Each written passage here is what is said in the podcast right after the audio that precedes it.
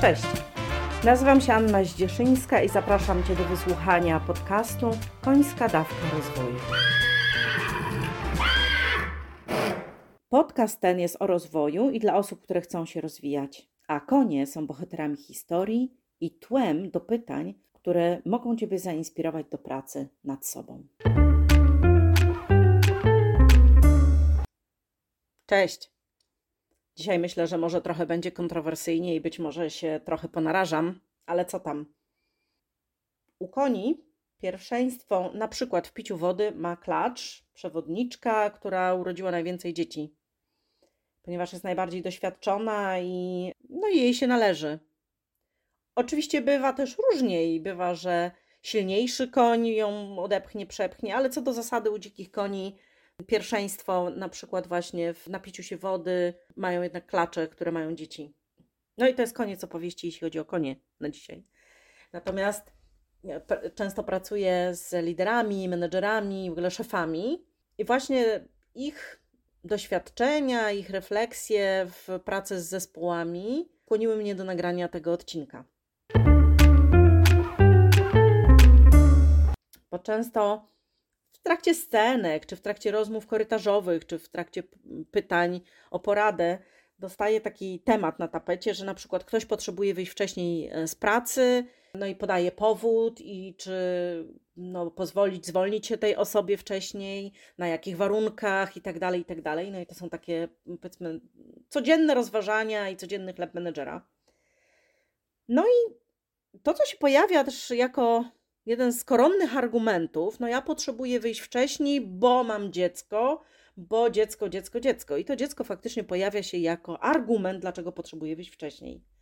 I to mnie zawsze y, zastanawiało i zaciekawiało, ponieważ ja sama nie mam dzieci. To, to może od razu też, też powiem dla tych, którzy mnie znają, to jest oczywiste, ale dla tych, którzy mnie nie znają i tylko słuchają, to, to nie jest tak oczywiste, więc ja nie mam swoich dzieci. Natomiast mam pięcioro chrześniaków i w ogóle lubię dzieci, pracuję, y, pracowałam przez wiele lat z dziećmi w jeździectwie, a teraz spotykam się z dziećmi mojego brata i w ogóle faktycznie lubię dzieciaki. Natomiast tak zastanawiać się zaczęłam, na ile to, że mam dziecko, jest koronnym argumentem, że mogę wyjść wcześniej z pracy, a na ile koronnym argumentem dla menedżera powinno być, potrzebuję wyjść wcześniej bo mam ważną sprawę, bo mam rzecz, na której mi zależy. Zastanawiam się, na ile potrzebne jest to wartościowanie i komu ono jest tak naprawdę potrzebne, czy osobie proszącej, czy osobie proszonej, że jak powiem, a jak dziecko, a no to przepraszam, no to jak dziecko, to oczywiście. Ewentualnie jeszcze jest jak lekarz, no to tak. Bo tak sobie próbuję wyobrazić, że przychodzę do mojego szefa i mówię, hmm, no mam taką e, prośbę, będę miała operację pieska. A come on, tak? Ty, ty zamierzasz opuścić miejsce pracy, bo masz operację pieska? Albo no nie mam opieki nad pieskiem, albo piesek siedzi już 8 godzin i nie chce, żeby siedział 12. Ja myślę, że jest nietolerancja w nas na argument pod tytułem piesek, kotek, albo po prostu chce poleżeć na hamaku, poczytać książkę, zrobić cokolwiek. I nie to, że jestem przeciwna dzieciakom, chociaż tak może trochę to brzmieć, natomiast trochę słyszę dyskryminowanie ze względu na cokolwiek innego niż na przykład nie wiem, wyjście do lekarza bądź wyjście bo potrzebuję odebrać dziecko z przedszkola. I oczywistym dla mnie jest, że jeżeli potrzebuję odebrać dziecko z przedszkola, to wychodzę i odbieram dziecko z przedszkola. Ale dlaczego nie jest oczywistym, że jeżeli potrzebuję wyjść z psem punktualnie, czy pójść do lekarza z psem, to to już nie ma być argumentem.